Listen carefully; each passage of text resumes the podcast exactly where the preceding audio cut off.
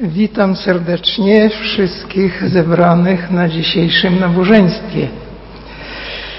Dzisiejszym tematem tego rozważania będzie moc skutecznej modlitwy. Tyle już o tej modlitwie. Wszystko na pamięć znamy chyba, nie? Więc zdawałoby się już wystarczałoby. Ale jednak jest ona zawsze aktualna, zawsze potrzebna, zawsze to jest takie, jest ona podstawowym elementem duchowego wzrostu chrześcijanina. Jest ona możliwa, ponieważ Bóg jest osobą i objawił się w postaci osobowej, aby ludzie stworzeni na Jego podobieństwo mogli zwracać się do Niego po imieniu. Modlitwa pogłębia wiarę i miłość do Boga. Nie tylko wtedy, kiedy się do Niego zbliżamy, ale też gdy wstawiamy się za innych chrześcijan i za zgubionym światem. Modlitwę często porównuje się do oddychania, bez którego nie ma życia. Przez modlitwę Kościół sprzeciwia się zakusom szatana, otrzymuje łaskę Bożą, szuka posilenia, wzmacnia świadectwo Ewangelii, oczekuje Pana, a nade wszystko oddaje cześć temu, przez któremu, przez którego i ku któremu wszystko zmierza. Prawie w każdym tekście Pisma Świętego mówi się o modlitwie. Biblia podaje wiele obietnic, zachęt i przykładów skutecznej modlitwy. Biblijna i ewangelikalna teologia jest skuteczna i kształtowana przez modlitwę, ponieważ teologia jest nierozerwalnie związana z duchowością. Teologia nie dotyczy tylko słowa, lecz również i ducha, który objawia i zastosowuje mądrość Chrystusa w naszych sercach. Kalwin uważał modlitwę za duszę wiary. I rzeczywiście wiara bez modlitwy wkrótce staje się martwa. Przez modlitwę traktujemy, kontaktujemy się z Bogiem i przez modlitwę Bóg kontaktuje się z nami. W biblijnym pojęciu modlitwa jest zarówno darem, jak i zadaniem. Czasem sam Bóg inicjuje modlitwę, ale człowiek musi na nią odpowiedzieć. Taka modlitwa jest dialogiem Odsłania ona nasze najgłębsze pragnienia wobec Boga, ale również objawia Jego pragnienia wobec nas. Prośba i wstawiennictwo są w modlitwie podstawowe, na pierwszym miejscu, ale należy do niej również uwielbienie, podziękowanie, wyznawanie grzechu. Jednak element prośby pojawia się prawie w każdej modlitwie. Biblijna modlitwa to wołanie do, wołanie do Boga z otchłani serca, rozpaczy. To wylewanie duszy przed Bogiem. Czasem przybiera ona postać wołania albo krzyku.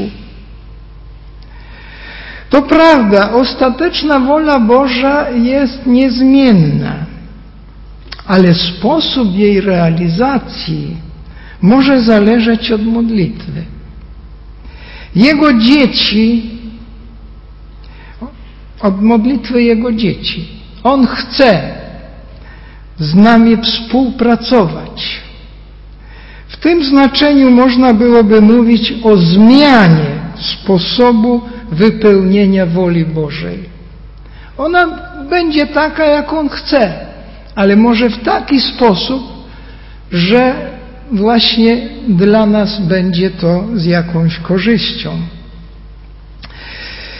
W biblijnej duchowości jest też czas na milczenie.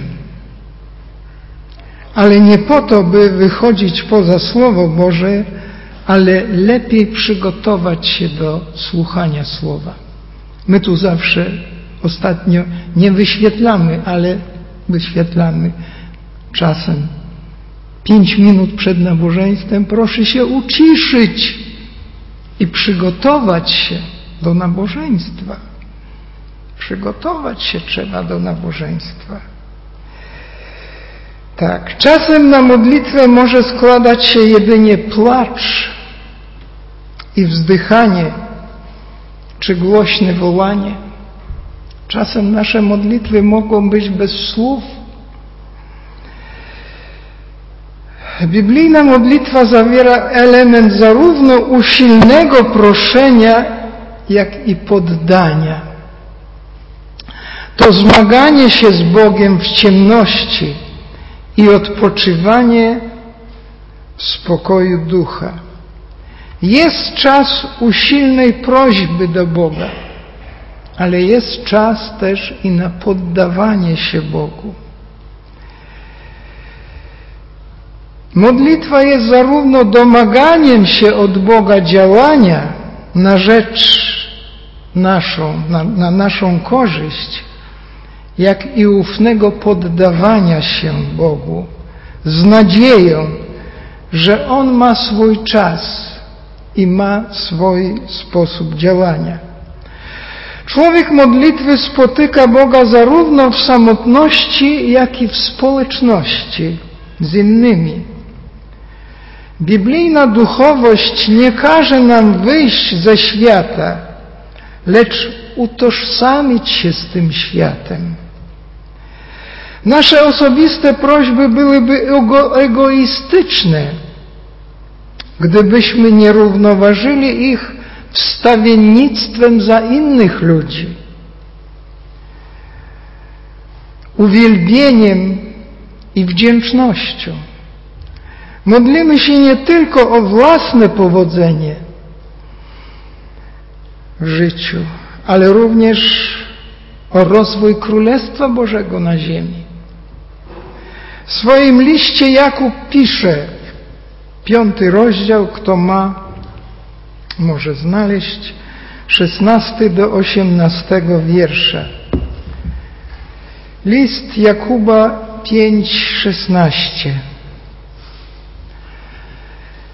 Wyznawajcie więc sobie wzajemnie grzechy i módlcie się jedni za drugich abyście zostali uzdrowieni. Bardzo skuteczna jest wytrwała modlitwa sprawiedliwego. Eliasz był człowiekiem podobnym do nas. Usilnie się modlił, aby nie padał deszcz i deszcz nie spadł na ziemię. Przez trzy lata i sześć miesięcy. I znowu się modlił, i z nieba spadł deszcz, a ziemia wydała swój plon. W słowach przytoczonego tekstu mówi się o modlitwie człowieka sprawiedliwego. A przy tym jest to modlitwa wytrwała. Czy znana jest nam taka modlitwa? Ale są też modlitwy mało skuteczne a nawet bezużyteczne. Bóg nie wysłuchuje takich modlitw. W księdze Hioba czytamy 27:8. Jaką bowiem nadzieję ma grzesznik, gdy ginie i Bóg odbiera mu życie? Czy Bóg usłyszy jego wołanie, kiedy przyjdzie na niego nieszczęście? Bóg zapewnia, że modlitw ludzi pogrążonych w grzechu nie wysłuchuje. Przez proroka Izajasza Bóg mówi do swego ludu wybranego. Pierwszy Izajasza 15, 16. A gdy wyciągacie wasze ręce, zasłaniam przed wami oczy. Choćbyście mnożyli modlitwy, nie będę słuchał. Wasze ręce umoczone są we krwi, a wasze palce w bezprawiu. Omyjcie się, oczyście się, usuńcie sprzed waszych oczu wasze złe uczynki. Przestańcie czynić źle. Prorok ten tak narzeka nad duchowym stanem swoich rodaków. To wasze winy są tym, co was oddziela od Boga. Wasze grzechy zasłaniają przed wami Jego oblicze, tak, że nie słyszy. Pan Jezus przy powieści o faryzeuszu i celniku powiedział, że modlitwa faryzeusza pełna samochwalstwa i pogardy wobec innych nie była wysłuchana i nie został on usprawiedliwiony. Zresztą on chyba nie potrzebował usprawiedliwienia. Przecież on był sprawiedliwy, on był przykładnym, on był podobającym się Bogu. Tak uważa zresztą. Zresztą właśnie on nie potrzebował tego. W swoim mniemaniu był sprawiedliwy. Zwróćmy uwagę na modlitwy, których Pan Bóg nie wysłuchuje. Po pierwsze, jest to modlitwa posiadająca niewłaściwe motywy. W liście Jakuba mówi się: Prosicie, a nie otrzymujecie ponieważ źle prosicie, gdyż staracie się jedynie o zaspokojenie waszych namiętności. Jakże wiele jest samolubnych, egoistycznych modlitw. Ciągle słyszy się w nich daj mi, błogosław mi. Tak mało słyszy się w naszych modlitwie podziękowań. Jak ktoś chory, to już wszyscy się mamy modlić. A jak wyzdrowiał? Cisza. Wierzący sportowcy modlą się o wygranie meczu na przykład. Biznesmeni o korzystne transakcje, które nie zawsze służą chwale Bożej. Po drugie, Modlitwa będzie nieskuteczna, jeżeli u jej podłoża znajduje się grzech. Psalmista wyznaje, gdybym knuł w sercu swoim coś niegodziwego, Pan by mnie nie wysłuchał. Pan nie wysłuchuje tego, kto świadomie ukrywa w swoim życiu grzech. Raczej należy modlić się tak jak Dawid w psalmie 139, ostatnie wiersze. Przeniknij mnie, Boże, poznaj serce moje, doświadcz mnie i poznaj myśli moje. Zobacz, czy nie idę drogą niegodziwą. Poprowadź mnie swoją drogą, odwieczną. Tak, Panie Boże, badaj, bo ja się mylę. Mnie się zdaje, że ja jestem ideałem, a tak może nie jest. Pokaż mi. Jeżeli Bóg pokaże w naszym życiu grzech, wtedy należy go wyznać i poprosić go o przebaczenie.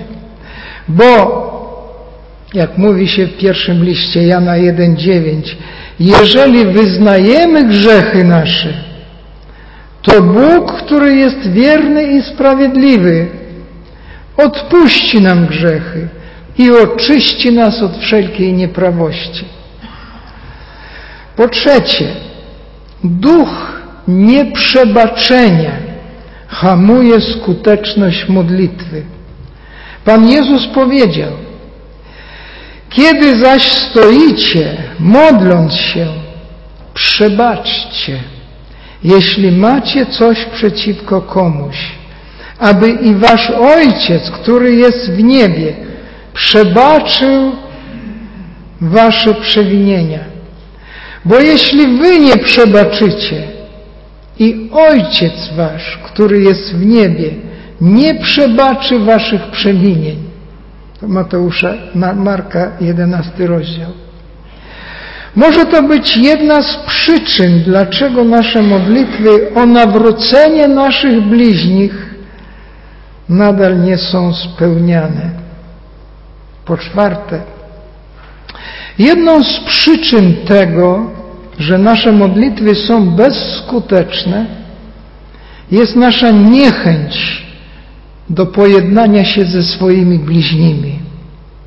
Pan Jezus powiedział, Mateusza 5 rozdział 23-24 Jeśli przyniesiesz swój dar, by złożyć go na ołtarzu i przypomnisz sobie, że Twój brat ma coś przeciwko Tobie, zostaw swój dar przed ołtarzem. Idź i pojednaj się najpierw ze swoim bratem, a potem wróć i złóż swój dar. Jeżeli przypomnisz sobie, ale czy, czy to tak łatwo się przypomni, że mam coś przeciwko komuś? Najpierw pojednaj się, a potem idź do Boga. Nie ma sensu wielbienie Boga, oddawanie Mu chwały, angażowanie się w Jego służbę i oczekiwanie Jego błogosławieństwa, jeżeli najpierw nie będzie gotowości do pojednania ze swoim bratem lub siostrą. To jest podstawa. Po piąte, modlitwy hamują niewłaściwe stosunki międzyludzkie. Chodzi też o wzajemne stosunki w rodzinie. Dlatego Piotr po napomnieniu skierowanym do żon zaleca wierzącym mężom. 1 Piotra 3,7 Podobnie wy, mężowie, żyjąc wspólnie z żonami, traktujcie je z wyrozumiałością, ponieważ jako kobiety są słabsze. Okazujcie im szacunek jako tym, które współdziedziczą łaskę życia, aby nie powstrzymało to waszych modlitw, aby wasze modlitwy były skuteczne. Czasem stosunki w rodzinie nie są takie, jak powinny być. Choć skłóceni czy rozwiedzeni małżonkowie mogą gorliwie i długo się modlić, ich modlitwy mogą nie być wysłuchane. Nieskuteczna jest również modlitwa za umarłych, to znaczy modlitwa o polepszenie ich losu. Żaden tekst Pisma Świętego Starego i Nowego Testamentu nie zawiera jakiejkolwiek wzmianki na ten temat. Tekst apokryficznej drugiej księgi machabejskiej jest niepewny i niewiele jest dowodów na to, że ortodoksyjni Żydzi w okresie międzytestamentowym odrzucali praktykę modlitwy za umarłych. W kanonicznym tekście Pisma Świętego mówi się, że chrześcijanin po śmierci natychmiast przechodzi do społeczności z Chrystusem. Pan Jezus obiecał pokotującemu złoczyńcy raj kiedy? Dzisiaj. Pismo Święte zawsze uważa śmierć za zakończenie okresu próby. Po śmierci, a przed zmartwychwstaniem i sądem ostatecznym, dusza znajduje się w stanie błogości lub męki, jak mówi o tym Jezus w podobieństwie o bogaczu i Lazarzu. Stąd modlitwy za umarłych są niestosowne i zbędne. Również ojcowie apostolscy, to znaczy ci, którzy mieli osobisty kontakt z apostołami i w swoich pismach ściśle nawiązywali do nowotestamentowych listów apostolskich, nie wspominają o modlitwie za umarłych. Wydaje się, że zwyczaj ten pojawił się w Kościele bardzo późno. W Kościele katolickim praktyka ta jest integralną częścią błędnego przekonania o zbawieniu, a szczególnie wiąże się ona z katolicką nauka, o, nauką o czyśćcu, odpustach i mszach. Wyznania protestanckich kościołów nie zawierają nakazy modlitwy za umarłych. Żywi nie mają już wpływu na ostateczny los zmarłych, ani zmarli nie są w stanie pomóc żywym. Ale dzięki Bogu nasze modlitwy zgodne ze Słowem Bożym mogą być wysłuchane jak mówi o tym przytoczony na początku tekst z listu Jakuba. Są to modlitwy wysłuchane, czyli skutecznie. Są modlitwy, na które Bóg odpowiada. Jakub twierdzi, że modlitwa sprawiedliwego jest bardzo skuteczna lub wiele może, czy może odnieść wielki skutek. Przykładem takiej modlitwy jest modlitwa Eliasza. Czego zatem może dokonać taka usilna, wytrwała modlitwa? Po pierwsze, dzięki modlitwie słudzy Boga mogą odważnie zwiastować Jego Słowo. Eliasz, człowiek takiej modlitwy, mógł odważnie stanąć przed królem Achabem by przekazać mu słowo od Pana. Eliasz wiedział, czym jest stanie przed Bogiem i dlatego nie bał się stanąć przed człowiekiem, bezbożnym królem. To osobista, serdeczna modlitwa uczyniła go tak odważnym. Gdy otworzymy Nowy Testament, spotykamy się z podobnym zjawiskiem – Uczniowie Jezusa, będąc zastraszeni przez władzę, zaczęli się modlić. A teraz spójrz, Panie, na ich groźby i daj Twoim sługom z całą odwagą głosić Twoje słowo. Po tej modlitwie, jak czytamy dalej, zadrżało miejsce, na którym byli zebrani. Wszyscy zostali napełnieni Duchem Świętym i odważnie głosili Słowo Boże. Gorliwa modlitwa uwalnia moc Ducha Świętego i czyni modlących się odważnymi w głoszeniu Słowa Pana. Po drugie, przez modlitwę słudzy Boga otrzymują zaspokojenie swoich życiowych potrzeb. W opowiadaniu o Eliaszu czytamy o tym, że Bóg przygotował mu kryjówkę nad potokiem Keryt i codziennie karmił go chlebem i mięsem, które przynosiły ptaki. A gdy z braku deszczu potok wysechł, zapewnił mu mieszkanie u wdowy w Sarepcie. Jego troska i opieka nad prorokiem była całkowicie wystarczająca. Odpowiadała ona zapewnieniom psalmisty, który powiedział Bójcie się Pana, Jego święci. Niczego nie zabraknie tym, którzy się Go boją.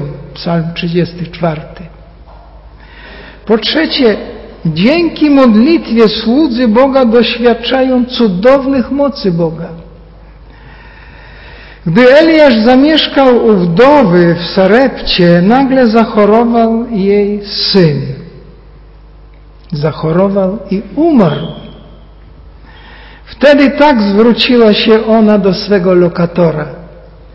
Czym ci zawiniłam, mężu Boży? Przyszedłeś do mnie, aby mi przypomnieć moje winy i sprowadzić śmierć na mego syna? Wydarzenie to również dla niej, dla tej wdowy, było przypomnieniem o jakimś jej ukrytym grzechu. Przypomniało jej o tym, o czym nikt poza nią samą nie wiedział. Bóg posyła nam czasem różne smutne przeżycia, aby przypomnieć o naszych zadawnionych grzechach. Takie przeżycie nawiedziło również i tę gościnną wdowę w Sarepcie. Dzięki modlitwie zmarli wracają do życia, chorzy są uzdrawiani, a zgubieni dostępują zbawienia. Bóg jest w stanie dokonać wielu cudów przez tych, którzy się modlą.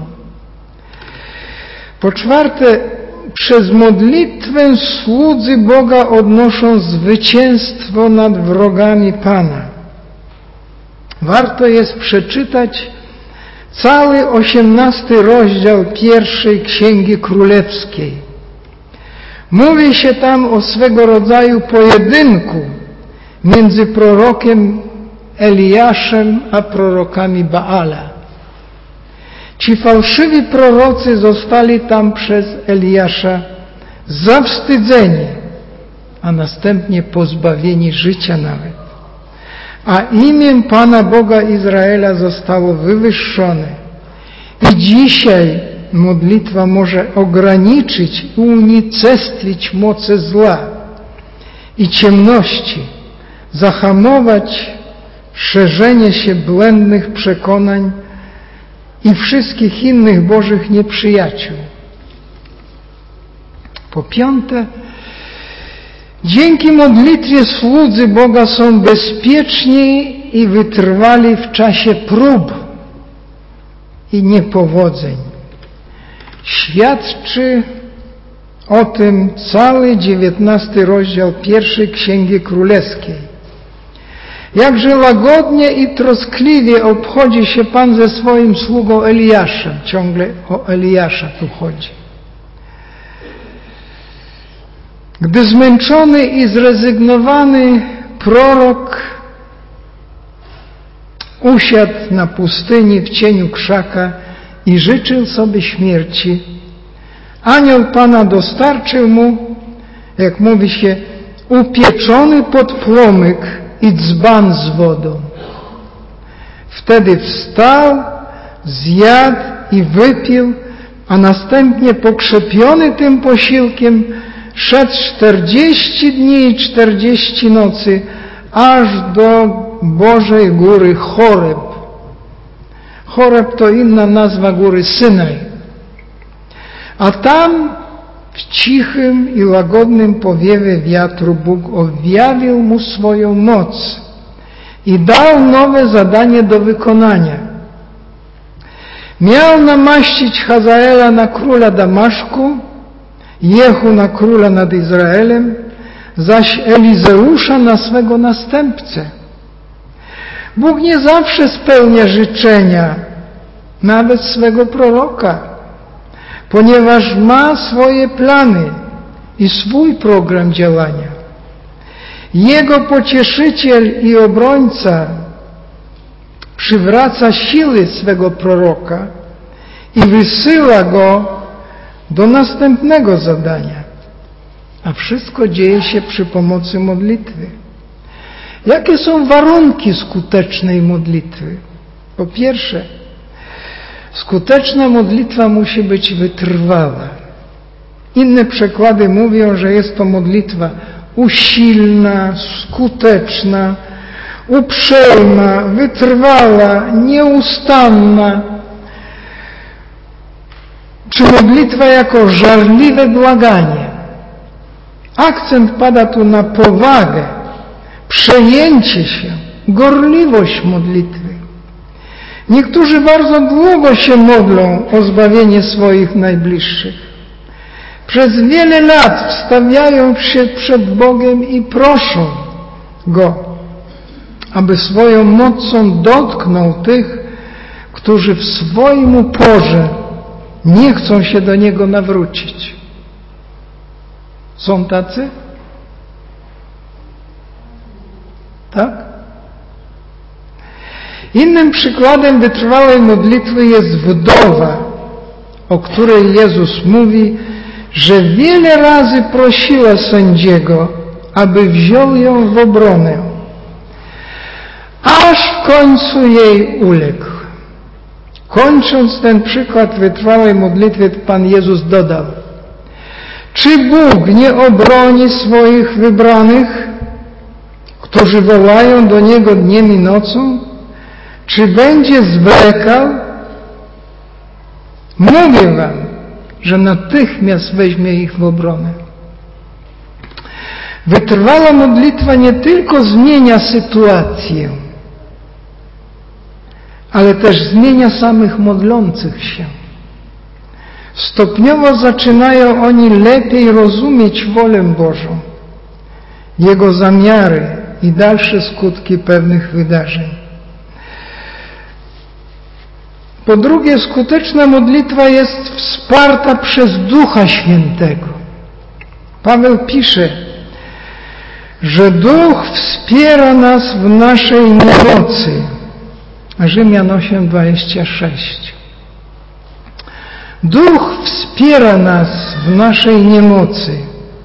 Nie wiemy bowiem, o co i jak należy się modlić, ale sam Duch wstawia się za nami w błaganiach, których nie można wyrazić słowami. Podobnie mówi się w Filipian 2:13. Bóg bowiem jest tym, który sprawia, że pragniecie i działacie według Jego upodobania. Prawdziwa modlitwa jest przynoszeniem Bogu próśb, które pojawiły się w nas pod wpływem Jego Ducha Świętego. To Duch Święty skłania nas do modlitwy o prześladowanych chrześcijan, o cierpiących z powodu klęsk żywiołowych. Modlitwa taka sprawia, że jesteśmy gotowi ofiarować środki materialne na ten cel. Bo modlitwa bez działania jest pustym dźwiękiem. Gdzieś czytałem, jak to gdzieś zbierali, jakaś akcja charytatywna była. Ale ten ktoś mówi, o ja nie dam pieniędzy, nie dam pieniędzy. A tam ci mówią, to niech siostra chociaż się modli. Mówi, co? Modlić się i nie dać? Jak to jest? Nie wolno się modlić i nie ofiarować. Tak, to jest sprzeczność. Po trzecie, skuteczna modlitwa musi być zanoszona, zanoszona przez człowieka sprawiedliwego, mówi nasz tekst. Każdy z nas z natury jest niesprawiedliwy. Prorok Izajasz wyznaje, Wszyscy byliśmy podobni do nieczystych. Wszystkie nasze sprawiedliwe czyny były jak skrawiona szata. Wszyscy zwiędliśmy jak liście. Nasze przewinienie jak wiatr nas uniosły. Ale dzięki wierze w Jezusa Chrystusa Jego krwi zostaliśmy oczyszczeni i usprawiedliwieni przykryci szatą Jego sprawiedliwości. W ten sposób staliśmy się sprawiedliwymi. Modlitwa, którą Bóg słyszy i wysłuchuje, to modlitwa tego, kto całkowicie ufa Panu, Jezusowi, jako swojej sprawiedliwości.